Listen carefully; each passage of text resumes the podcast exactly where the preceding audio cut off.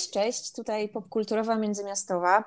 Niespodziewanie wracamy z drugim sezonem naszego podcastu, który nagrywamy w składzie ja, Agata z Warszawy i Kuba z Wrocławia. Cześć Kuba, bardzo miło Cześć. Cię słyszeć e, po takiej długiej wakacyjnej przerwie. E, mam nadzieję, że u Ciebie wszystko w porządku i masz ochotę dzielić się swoimi inspiracjami z naszymi słuchaczami. No, wszystko jest ok. Jak najbardziej. Ale o tym pogadamy dzisiaj chyba nawet, o mojej kondycji. o tak, tak. Będziemy o tym rozmawiać, będziemy o tym mówić. Pewnie warto wspomnieć, że postanowiliśmy z Kubą, że nasz podcast będzie takim nieregularnikiem, takim e, podcastowym pop-upem, wyskakującym jak popcorn. Dokładnie. jak na popkulturową, międzymiastową e, przystało. E, czyli nie zobowiązujemy się do tego, że odcinki będą się ukazywały regularnie co tydzień. Będziemy nagrywać wtedy, kiedy będziemy mieli faktycznie coś fajnego do powiedzenia i przekazania. Może być tak, że to będzie dwa razy w tygodniu, a może być tak, że no nie wiem, co kilkanaście dni. Zobaczymy. Zachęcamy Was do tego, żebyście subskrybowali nasz podcast na Spotify'u, w aplikacjach podcastowych, których używacie na Apple Podcast, bo dzięki temu żaden odcinek Wam e, nie przepadnie, bo dostaniecie po prostu powiadomienia. W dzisiejszym odcinku mamy jak zwykle dla Was kilka zajawek i taki troszkę większy temat, o którym chcielibyśmy sobie pogadać, bo ten temat jest spowodowany z pewną specjalną okazją. Ale zaczynamy od y, tego, co nam ostatnio wpadło w, w oko, w ucho i tak dalej. I myślę, że Kuba możesz zacząć. Co tam we Wrocławiu przykuło Twoją uwagę? No to tak. Hmm, wiecie co? Moim zdaniem te ostatnie tygodnie e, dały mi bardzo, bardzo, bardzo, bardzo dużo zajawek. Widziałem i słyszałem bardzo dużo i dobrych, i złych rzeczy. I myślałem bardzo długo, o czym powiedzieć podczas tego odcinka i myślałem o takich rzeczach, które wydawały mi się bardzo oczywiste. Na początku chciałem powiedzieć o Rojście, ale mam wrażenie, że dużo osób to już widziało, dużo osób e, czytało o tym, bo to się pojawiło niemalże wszędzie było w internecie i w tygodnikach i tak dalej, i tak dalej, więc stwierdziłem, że nie będę mówić o rzeczach oczywistych, a powiem o czymś, co jest dosyć krytykowane e, i mało opisywane. Mm, chodzi o serial, który pojawił się już jakiś czas temu, bo chyba 8 tygodni temu e, na mm, Apple TV e, i jest to serial, który nazywa się Historia Lisej. To jest y, serial na podstawie książki Kinga, która powstała w 2006 roku i zresztą King też zajął się napisaniem scenariusza i opieką nad tym serialem. Jest to serial o kobiecie, która straciła swojego męża, bardzo znanego pisarza, i widzimy mniej więcej historię, jak oni się poznali, jak wyglądała ich relacja, która była dosyć specyficzna, ponieważ jej mąż przeżył bardzo wielką traumę, jak był młody, i mniej więcej widzimy ich miłość właśnie w kontekście tego, jak ona próbowała go uleczyć e, z tej traumy. E, natomiast jakby drugą częścią tego serialu jest pokazana historia, trauma głównej bohaterki e, po śmierci męża. I to brzmi wszystko tak jakoś w miarę ładnie i cac, natomiast serial jest kompletnie no, no, no nie wiem, bardzo wakacyjny znaczy, temat. Trauma no, i trauma. No, to nie o to chodzi. Chodzi bardziej o to, że jest to dosyć taki temat, który wydaje się bardzo zwykły. O tak, trauma, trauma, ale jest tego bardzo dużo. Natomiast sposób, w jaki to jest opowiedziane, a jest to opowiedziane bardzo w specyficzny sposób, e, zupełnie traktuje ten serial inaczej niż inne seriale, które się pojawiły w ostatnim czasie. Dlaczego jest to dosyć specyficzne? Ponieważ e, główny bohater, czyli pisarz, ten od traumy, tak, właśnie, tak jakby wynalazł swój własny wewnętrzny świat, w którym leczył swoje rany. Jak nie tylko leczył swoje rany, ale szukał inspiracji do napisania swoich książek. Realizm magiczny, o tak, e, e, tak bym to nazwał. Natomiast mm, serial ten był bardzo krytykowany przez to, że e, ma dosyć niespieszne tempo. I owszem, ma. Był krytykowany właśnie poprzez tą traumę, ale również poprzez dosyć brutalne sceny, które w tym serialu występują. I dlaczego ten serial mi się spodobał? Przede wszystkim za to, że nie jest lukrowany, tak jak widzimy to w serialach na przykład Netflixa Natomiast ten serial ma takie momenty, które są bardzo drastyczne i ja miałem takie chwile, że nie mogłem spoglądać. E, ten serial również w niezwykły sposób operuje jednym kolorem, który tam się często przewija, jest to karmazyn. E, w niezwykły sposób pokazywany, a że serial dzieje się jesienią, to jest duże pole popisu do tego, żeby ten kolor jakby się objawiał w poszczególnych scenach. I przede wszystkim to, co mi się bardzo podobało w tym serialu, to to, w jaki sposób um, operuje żywiołami, a w szczególności jednym żywiołem, czyli wodą. Woda generalnie jest bardzo ważna, e, ważnym elementem tego serialu, ponieważ to woda tak jakby pozwala przenikać e, głównym bohaterom do tego ukrytego, sekretnego świata pisarza, czyli głównego bohatera tego serialu. Tyle powiem, ponieważ nie chcę opowiadać więcej, dosyć trudno opowiada się o tym serialu, ponieważ e, mm, cokolwiek bym nie powiedział, mam wrażenie, że spaliłbym ten serial i nie chciałoby się wam go oglądać. E, zachęcam też przez e, aktorów, którzy tam występują. Mamy tam Julian Moore. Tak, której uroda idealnie nadaje Dokładnie. się do tego, żeby przedstawiać ją w tych wszystkich karmazynach. Dokładnie. Jest Clive Owen, którego dawno nie widzieliśmy.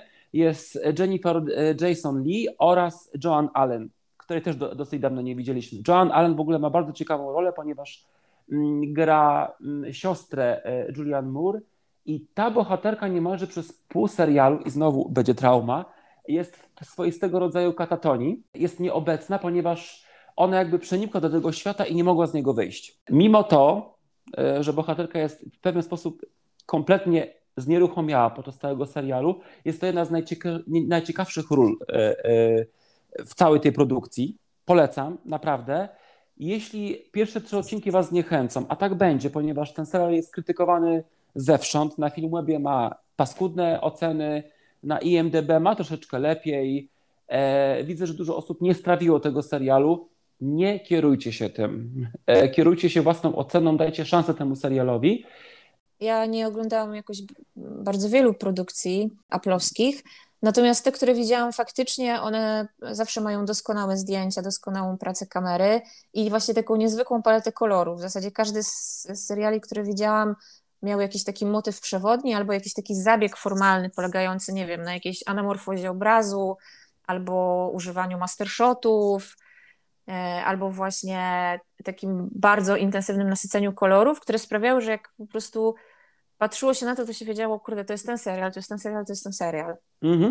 Jeszcze warto powiedzieć, że ten, e, ten serial, ten traumatyczny serial, e, był nakręcony i wyreżyserowany przez gościa, który się nazywa Pablo Loreu, on nakręcił film, nie pamiętam niestety tytułu, z Natalie Portman, gdzie grała Jackie Onassis.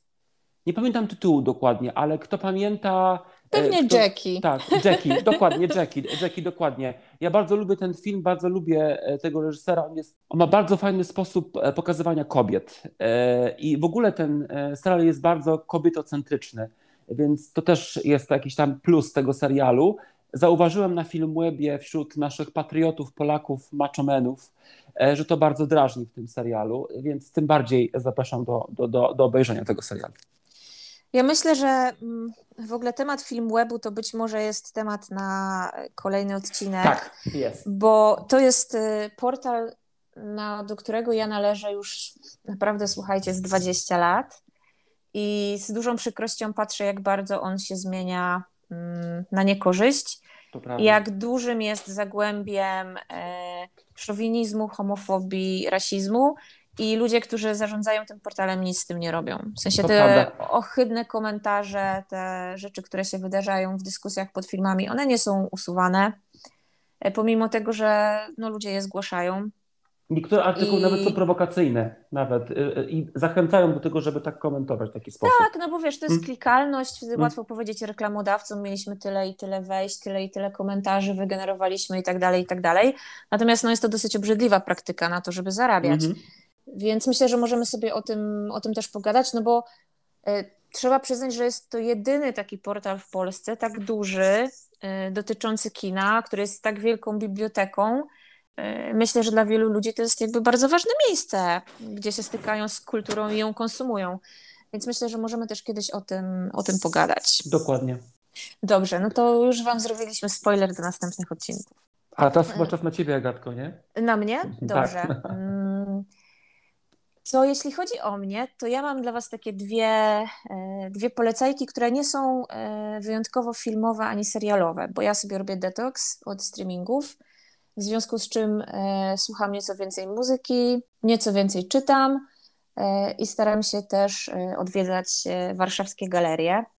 Zacznę może faktycznie od galerii. Byłam w Muzeum Historii Żydów Polskich Polin na wystawie mm, Wilhelma Sasnala Taki pejzaż.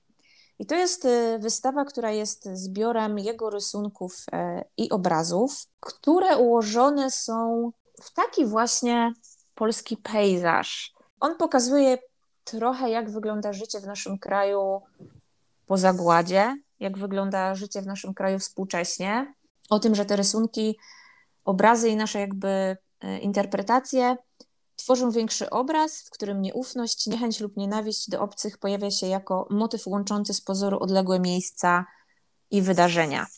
I ten z pozoru krajobraz y, odległy sprzed kilkudziesięciu lat i ten krajobraz współczesny okazują się faktycznie dosyć, dosyć podobne, e, co jest smutną, smutnym wnioskiem. Natomiast wystawę na pewno warto zobaczyć, no bo po pierwsze jest to Wilhelm Sasnal. Chodząc po tej wystawie, można e, zaglądać do przewodnika, starać się odnaleźć jakby gotowy obraz, e, patrzeć sobie na różnice, które gdzieś pojawiły się w procesie, w tej, w tej dziurze, której nie wiemy, czyli mnie od szkicu do tego momentu, kiedy e, obraz powstał i finalnie wylądował na ścianie w, na ścianie w muzeum. I to jest bardzo, bardzo ciekawe doświadczenie. E, taki przewodnik można sobie kupić w muzeum, można go też po prostu wypożyczyć. One tam są przy wejściu, przy wejściu na salę.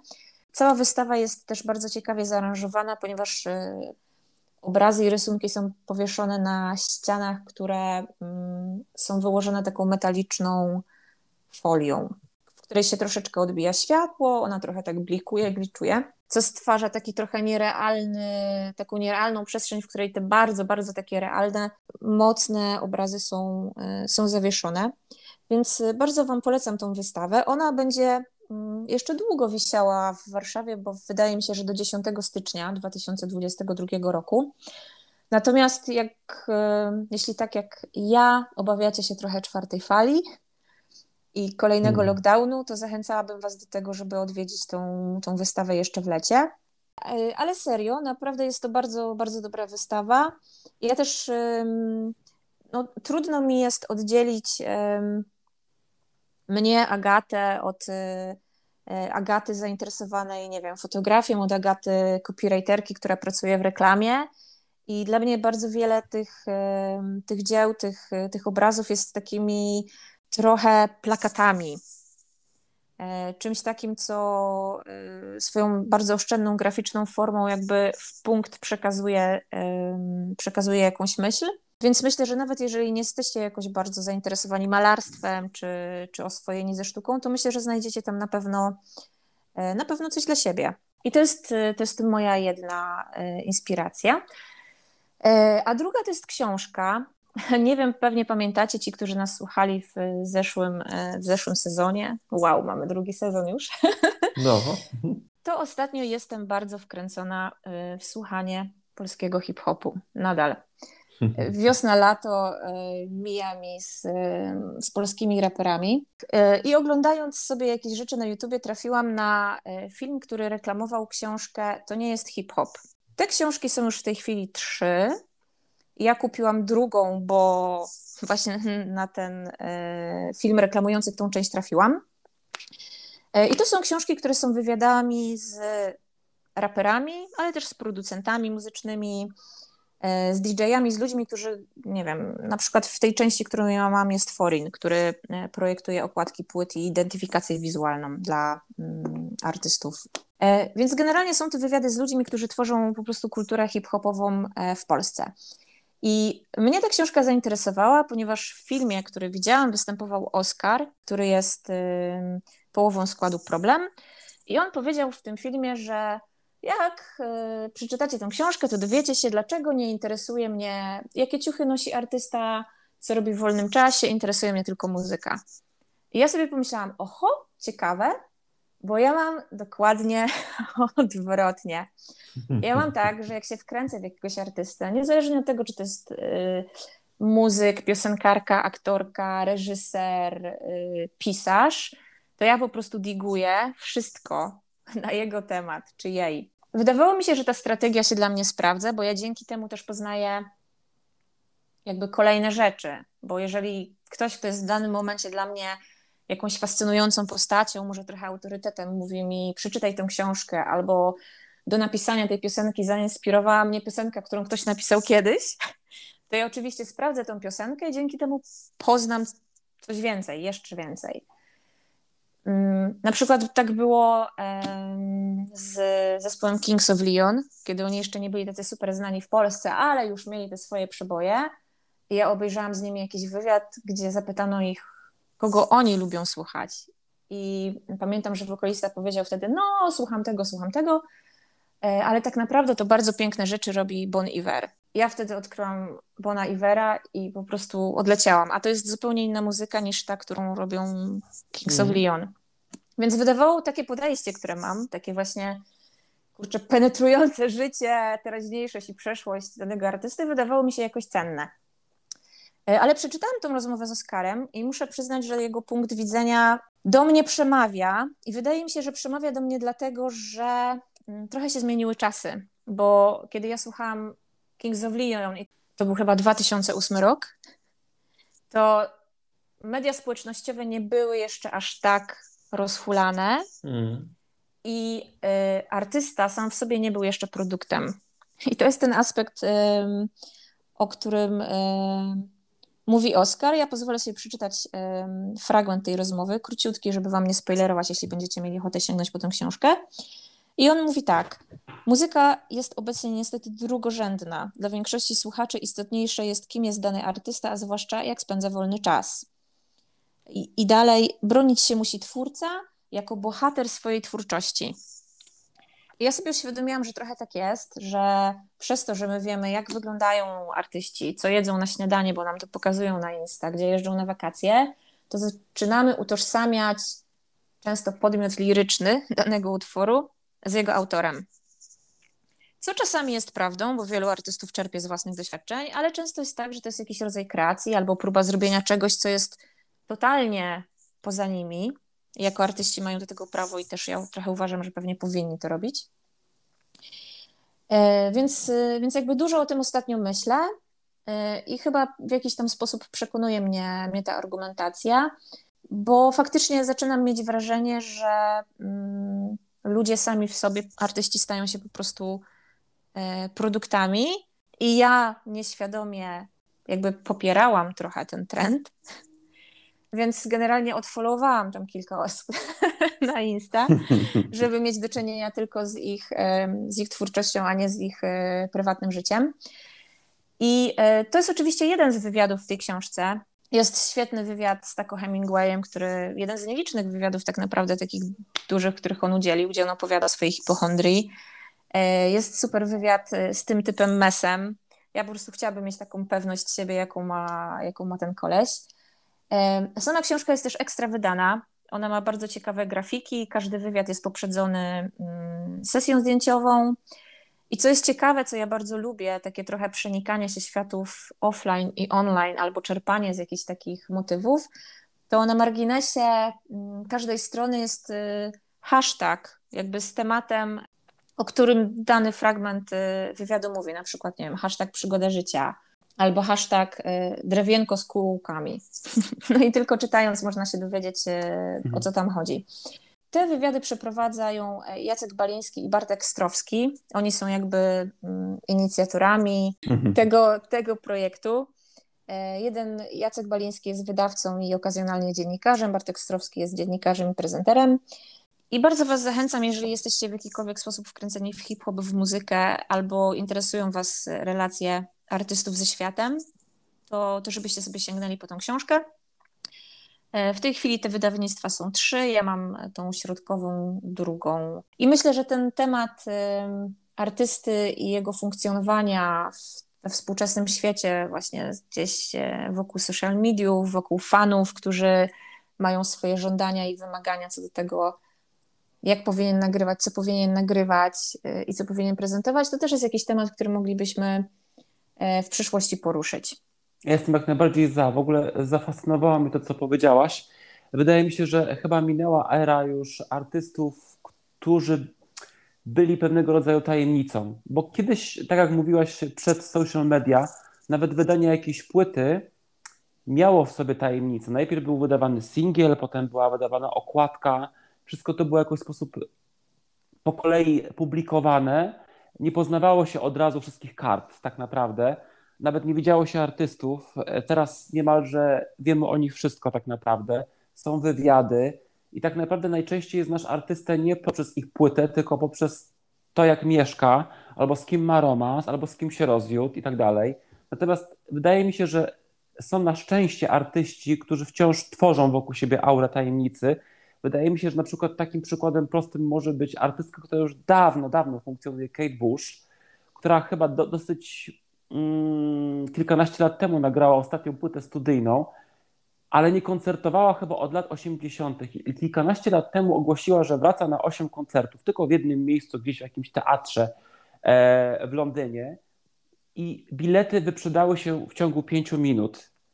Nic o niej nie wiemy. Nie wiemy, gdzie żyje, e, co robi, co je, e, z kim sypia i tak dalej, ale wróciła, mimo tego, że nie było jej od kilkunastu lat, a wciąż wzbudza zainteresowanie. Ja mam to samo co ty troszeczkę. Ja mam wrażenie, że niestety traktujemy obecnie muzykę, jak i filmy, przez niestety streaming, jak fast foody. Tak. I troszkę tak to wygląda. Wpada i wypada. W piątek wychodzą nowości, słuchamy je. Może zapamiętamy, może nie zapamiętamy. Ja mam często w sobie bunt i mam ochotę to wszystko wypieprzyć, za, za, za przepraszam. Ja mam czasami ochotę wrócić do kupowania płyt, naprawdę. I do słuchania jednej płyty, no, do skupiania się na tej płycie, do poznawania smaczków na tej płycie i tak dalej, i tak dalej. Naprawdę. Tęsknię za tymi czasami. No właśnie, jak już jesteśmy przy czasach, Kuba, to czy to, to, czy to jest moment na mm, zdradzenie naszego tematu okazjonalnego, tak bym to nazwała? Tak. E, e, ja bardzo długo myślałem, czy jest sens w ogóle, żeby na ten temat e, mówić w podcaście. Chodzi tu o o urodziny. O, chodzi tu o moje urodziny. Dziś są moje urodziny. Nie, nie, dzisiaj nie, nie, są moje urodziny. Moje urodziny są za kilka dni. Chodzi wkrótce. Ale pal licho z urodzinami to nie jest ważne. To brzmiało, jakbym zachęcał Was do dawania prezentów mi. Ja serdecznie zachęcam do dawania lajków, subów i followów. O, niech to będzie prezentem. Dokładnie. Tak. E, chodzi o wiek, chodzi o e, 40 o czterdziestkę, tak? Chodzi Magiczną czterdziestkę. I dlaczego e, ja chciałbym o tym powiedzieć? Ponieważ wydaje mi się, że to jest dosyć mimo wszystko magiczna data. Ja bynajmniej kompletnie nie spoglądam na człowieka przez pryzmat wieku. Kompletnie mi to nie interesuje. E, nie mam żadnego problemu w odnajdywaniu się wśród, wśród bardzo młodych osób, jak i wśród osób, które są o wiele ode mnie starsze. Ani na jednych, ani na drugich nie spoglądam przez pryzmat wieku. Uważam, że o człowieku jednak nie decyduje liczba, ale o to, co ma w sobie, tak naprawdę w swoim sercu i w swojej głowie. E, natomiast mimo wszystko, czy tego chce, czy nie, ta czterdziestka jednak jest dosyć ważna. I wydaje mi się, że tak jak mówiłem Agacie przed naszą rozmową, czterdziestka ma ten problem, ponieważ jest swoistego rodzaju szpagatem. Ludzie o wiele młodsi od ciebie siłą rzeczy, gdy słyszą, że masz 40 lat, często do tego wracają i próbują cię wtłoczyć w ten pryzmat y, mm, wieku, tym bardziej w dzisiejszych czasach, w czasach, gdy jednak to młodość króluje, e, albo ogólnie wygląd młody króluje, a jednocześnie mm, jest to taki wiek, w którym masz wrażenie, że jednak coś się zaczyna od nowa. E, I wydaje mi się, że oprócz osiemnastki jest to taka liczba którą kiedy przekraczamy, to mam wrażenie, że chcemy zacząć od nowa. I Agatka powiedziała bardzo ciekawą rzecz, która wydaje mi się bardzo prawdziwa i uniwersalna, jeśli chodzi o ten wiek. To to, że tak naprawdę w pewien sposób w tym wieku, gdy nabieramy takiej naprawdę o wiele większej świadomości niż to było, nie wiem, 10-20 lat temu, mamy ochotę uczyć się i poznawać i smakować życie na nowo. I wydaje mi się, że tak jest. I e, wydaje mi się, że ten odcinek e, mógłby być takim odczarowaniem tego wieku. To nie starość, tylko tak naprawdę druga młodość, a tak naprawdę chyba świadoma młodość, o tak, która ma, ma ochotę poznawać i która ma ochotę smakować zupełnie coś nowego. Tak, ja nawet myślałam sobie o tym w ten sposób, że starość zaczyna się tak naprawdę dopiero wtedy, kiedy tracisz ochotę na próbowanie nowych rzeczy Dokładnie. i uczenie się nowych rzeczy. Ja mam teraz tak, że ja mam ciągle ochotę na mm, spróbowanie rzeczy, których jeszcze nie robiłam. Ja na przykład teraz chodzę sporo na basen. Ja jestem niezłą pływaczką, ale na przykład nigdy e, nie miałam okazji nauczyć się pływać motylkiem, który jest bardzo trudnym, takim technicznym stylem, bardzo szybkim. I pomyślałam sobie, why not? Pływam jako, jako tako tą żabą, dobrze pływam kraulem, kraulem, nauczę się motylka. Do niczego absolutnie nie jest mi to potrzebne, ale nie wiem, może jak się nauczę, to się okaże, że jednak do czegoś było. Że to mnie w jakiś sposób, nie wiem, wzbogaciło, rozwinęło, rozwinęło skoordynowało, cokolwiek. E, chciałam, mam pianino w domu, mieszkam w tym mieszkaniu od y, trzech lat. Od trzech lat myślę o tym, żeby zacząć brać e, znowu lekcje pianina i po prostu korzystać z tego mebla. Zrób mi, to. Czy jest mi to do czegoś potrzebne? Nie, ale, e, ale wydaje mi się, że jest, że jest to fajne. Ja mam trochę z tym myśleniem o 40, no bo jesteśmy w podobnym wieku, więc mm. rzeczy ja też o tym myślę. Ja mam trochę z tym tak, że wydaje mi się, że my jako ludzie bardzo staramy się oswoić czas i upływ czasu i generalnie potrzebujemy takich um, nawiasów, czy jakichś mhm. granic, które przekraczamy. Musimy je sobie jakoś tam nazwać, ustalić i y, chętnie lubimy wtedy poczuć, że faktycznie coś, coś się zmieniło. Ta magiczna osiemnastka, która pozwala nam, prawda, pić alkohol na legalu, y, czy ta czterdziestka, po której coś się powinno, powinno zmienić. I ja myślę, że dobrze jest jakby uświadamiać sobie mm, takie potrzeby, bo jakby samej zmianie nie ma nic złego. Teraz zacytuję rapera. Co cię boli, to cię boli strata. to jest PZ z kawałka intro. I tak, i każda, każda taka granica, każdy taki upływ czasu gdzieś kojarzy nam się z jakąś stratą, że już na pewne rzeczy sobie nie możemy pozwolić, czegoś już nie zrobimy. I okej, okay, są pewnie jakieś rzeczy, których ja już nie zrobię, nawet ze względu, nie wiem, na jakieś ograniczenia fizyczne po prostu, bardziej niż mentalne. Nie zrobię czegoś, ale mogę zrobić coś innego. No co na przykład jako młodsza osoba nigdy nie byłabym gotowa, bo nie miałabym takiej odwagi. I jakiegoś takiego y, poczucia, że mi wolno, co daje jakby właśnie dojrzalszy wiek. Więc, y, więc myślę, że jakby fajnie jest generalnie o tym rozmawiać, widzieć te zmiany, no bo też umówmy się, jeżeli będziemy przeżywać nasze życia cały czas tak, jakby po prostu um, nic się nie działo, nic się nie wydarzało, um, no to chyba znaczyłoby, że się nie rozwijamy, prawda? Znaczy, wiesz co, jak mówiłaś o tym, to mi się przypomniały też inne Twoje słowa, bo e, jak zaproponowałem ten temat, to mi napisałaś takie bardzo fajne zdanie SMS-em, że czujesz się mądrzejsza. Mhm. E, ja bardzo długo nad tym myślałem, co to znaczy e, czuć się mądrzejszym, w szczególności w tym wieku. E, I wiesz co, ja nie wiem, czy się czuję mądrym i czy się czuję mądrzejszy, ale ja to rozumiem w taki sposób, że mm, ja bardzo często, gdy miałem, nie wiem, 20 i 30 lat, bardzo wiele rzeczy żałowałem. E, I bardzo długo dywagowałem i myślałem nad tym, e, o pewnych złych rzeczach w moim, moim, moim życiu. Natomiast wydaje mi się, że 40, jeśli cokolwiek mi dała, od tak, gdybym miał powiedzieć tu i teraz, to dała mi chyba poczucie tego, że tak naprawdę niczego nie żałuję. I tu nie chodzi o jakąś mm, taką pychę i egoizm, że wszystko było idealnie, że wszystko idealnie zrobiłem. Nie, wydaje mi się, że tu chodzi bardziej o to, że cokolwiek się wydarzyło, to, to co było złe, a było tego wiele, e, i to, co było e, dobre, to doprowadziło mnie do tego punktu, w którym jestem. Mhm. E, I wydaje mi się, że niczego nie żałuję. Każda rzecz, właśnie głównie ta zła, i to przez pryzmat ludzi, które, nie wiem, być może zadali mi jakiekolwiek e, zło w moim życiu, nie wiem, zranili mnie, też mnie czegoś nauczyli. I wydaje mi się, że właśnie zło e, i krzywda, którą ktoś mi e, wyrządził, bo mówię głównie przez pryzmat ludzi, to jest właśnie motor i chęć zmiany w moim życiu. Zawsze mi się wydawało, że trzeba powstać i iść jednak dalej. Dlatego uważam, że cokolwiek się nie wydarzyło i było to złe, coś coś to mi dało, tak? I wydaje mi się, że to jest też chyba kwestia tego, co jest młode, a co jest stare. Wydaje mi się, że gdy nie żałujemy, wciąż jesteśmy odważni, to jednak mimo wszystko jesteśmy wciąż młodzi. Ja się czuję bardzo młody wewnątrz, o tak powiedzmy. E, to też powiedziałaś przed chwilą, że mentalnie chcesz iść do przodu, nie zawsze ciało pozwala. Tak. Zdaję sobie z tego sprawę, że e, ciało raczej będzie częściej teraz nie pozwalało, a jeżeli pozwalało. Wiem, bo niedawno wróciłem do biegania po kontuzji mojego palca i zauważam, jak trudno jest teraz wrócić do intensywnego biegania, do szybkiego biegania, do sportu, do regularnego sportu. Nie jest to łatwe. To może Kuba, ja mm, mm? dokończę ten cytat z PZ, tak? bo Dawaj. ta piosenka idzie tak. Co cię boli, to cię boli strata, goi się powoli, ale będziesz mistrzem świata. Hmm? Dokładnie, ale, no, ale dokładnie tak jest. Wydaje mi się, że to jest troszeczkę jak y, z pozostałościami po, po ranach, po, y, które, y, nie wiem, mają wojownicy albo, nie wiem, bokserzy. Każda taka rana, która pozostaje, która jest widoczna w postaci blizny, to jest jednak nasza przeszłość, tak? Nasza dumna przeszłość i nie ma co tego ukrywać.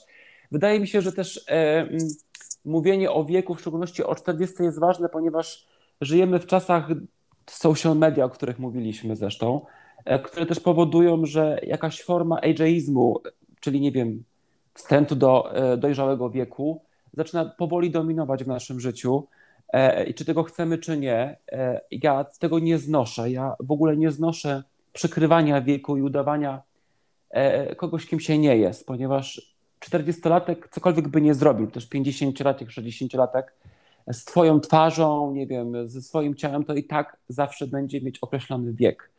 E, od tego nie uciekniemy, od biologii się nie ucieka, więc wydaje mi się, że 40 też daje też pewną formę akceptacji. Ja już sobie ją mam, to nie znaczy, że się poddaję, że już nic nie robię, że nie uprawiam sportu i nie dbam o siebie, ale wiem, że trzeba mieć pewną pokorę wobec tego, co się dzieje wokół nas i w nas już w tym wieku i tyle. Tak, ja się generalnie z tym zgadzam. I myślę jeszcze o jednym aspekcie. Mhm. Mm, o tym, że to się na szczęście bardzo zmienia. Natomiast ja też zdaję sobie sprawę z tego, że i ty, i ja mieszkamy w dużych miastach, pracujemy w zawodach i otaczamy się ludźmi, którzy e, są może trochę bardziej progresywni niż, niż reszta naszego społeczeństwa. Więc, e, więc pewnie tak bardzo nas to nie dotyka. Natomiast pokutuje myślę ciągle jakiś taki mhm. pogląd, że w pewnym wieku pewnych rzeczy już nie wypada. Tak. E, na przykład, no nie wiem, słuchać hip-hopu, hmm. chodzić na koncerty, albo nie wiem, nosić krótkich sukienek, albo malować sobie e, powiek na brokatowo. Dzisiaj nasz e, wspólny kolega, którego tutaj pozdrawiamy, Mariusz, dzięki temu, że, że był u mnie słuchaliśmy razem muzyki, to poznałam piosenkę Ralfa Kamińskiego pod tytułem Blask, gdzie padają takie mm, mocne słowa. E, pod waszą komendę dla was żyć nie będę. I myślę sobie, że w, razem z tą czterdziestką przychodzi też takie poczucie wolności, że, y, że będę teraz żyć tak, jak chcę, że jakby ja się już nasłuchałam dobrych rad, tego, co wypada i co nie wypada. Nie sądzę, żeby wśród naszych słuchaczy byli ludzie, którzy mm, uważają, że robimy cokolwiek niestosownego. Ale jeśli znacie takich wokół siebie, to możecie wysłać mi tą piosenkę. Wiesz co, e, mi się wydaje, że ja, ja na przykład przez całe życie swoje słyszałem, że robię rzeczy niestosowne. Od e, e, małego poprzez, nie wiem, kwestie mojej orientacji, poprzez wybory moje życiowe, to słyszałem, że tak się nie powinno robić. Co, żeby było najlepiej, to bardzo często, e, nie wiem, padałem e, ofiarą takiego ostracyzmu nawet wśród E, środowiska LGBT, które samo w sobie przecież żąda mm, pewnej formy wolności, w szczególności w tym kraju. Na przykład kiedyś usłyszałem, że jak jesteś z kimś, to musisz z tą osobą mieszkać, że nie możesz tworzyć związku takiego, że e, dwie osoby ze sobą nie mieszkają, e, bo tak nie wypada. Wypada ze sobą mieszkać, bo to jest prawdziwy związek. I mam wrażenie, że do 40 ja bardzo często kierowałem się tym y, i traktowałem to poważnie, że być może robię błąd i bardzo próbowałem, y, jakby to powiedzieć, zrobić dobrze innym e, e, swoim zachowaniem. I mam wrażenie, że teraz rodzi się we mnie bunt, że nie chcę tego robić i co to znaczy nie wypada. Jeśli to nie krzywdzi drugiej osoby, jeśli to nie krzywdzi ciebie ani e, otoczenia, to, to wypada jak najbardziej. Jasne, ja chciałam nazwać ten nasz odcinek bilans 40-latka, ale teraz po Twoich słowach myślę, że nazwiemy go bunt 40-latka. Ale oczywiście, jak najbardziej. To jest pewna forma buntu, bo wydaje mi się, że ten, ten wiek 40, e, który, na który ja właściwie czekam i bardzo już go chcę tak naprawdę, powiem tak szczerze, to jest też e, taki wiek, w którym człowiek zaczyna bardzo świadomie sprzątać wokół siebie. Tu chodzi o to, że zaczynamy otaczać się osobami, którymi chcemy, e, że robimy rzeczy, które chcemy, e, że nie robimy rzeczy, których nie chcemy, że kochamy te osoby, które, e, które były jakąś pewną formą marzenia od zawsze, że nie wypada chodzić na kompromisy. Wydaje mi się, że to jest taki wiek, gdy kompromis i schlebianie innym, w szczególności w dzisiejszych czasach, gdy wszyscy chcą być tacy jak inni, albo wszyscy chcą być w jakiś sposób popularni, to to jest właśnie taki moment, żeby powiedzieć nie i się zbuntować. To jest bardzo ciekawe, bo to jest y, taki bunt, który jest tak naprawdę Świadomością. E, świadomością i to jest bunt, który wynika z potrzeby komfortu. Po prostu. A dokładnie, dokładnie, dokładnie. Ja e, bardzo często w swoim życiu robiłem największy błąd i wydaje mi się, że wiele osób go robi, że myślimy o wszystkim, co robimy przez pryzmat innych, a nie przez pryzmat siebie. Naprawdę nie jest niczym złym, E, gdy dbasz o siebie, naprawdę, gdy traktujesz siebie z szacunkiem po prostu. Ja się tego uczę, to nie jest tak, że ja to mam. Wydaje mi się, że to jest jeszcze nauka spora dla, e, e, na mnie. Na szczęście mam takiego partnera, który mnie bardzo często uświadamia do tego, że, że warto odpoczywać, że warto odpuścić, że świat to nie jest tylko gonitwa. To jest nauka na przykład dla mnie. Ja się muszę tego nauczyć.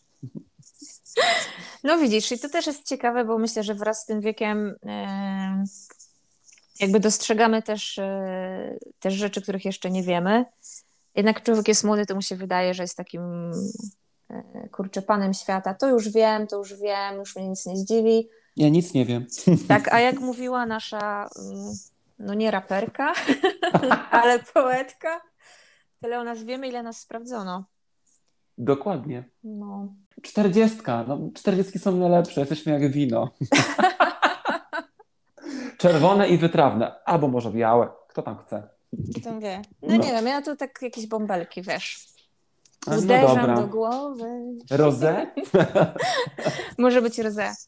Okej, okay, nie ma problemu. Um, po prostu, słuchajcie, to jest nasza puenta i przesłanie e, tego odcinka. Bądźcie takimi alkoholami, jakimi chcecie być. No dobrze, bo teraz zaczęliśmy o naszych fantazjach. E, myślę, że to jest ten moment, e, w którym należałoby pożegnać naszych słuchaczy z obietnicą, że słyszymy się już niedługo. No dokładnie. Do zobaczenia wszystkim. Do usłyszenia, bądźcie z nami.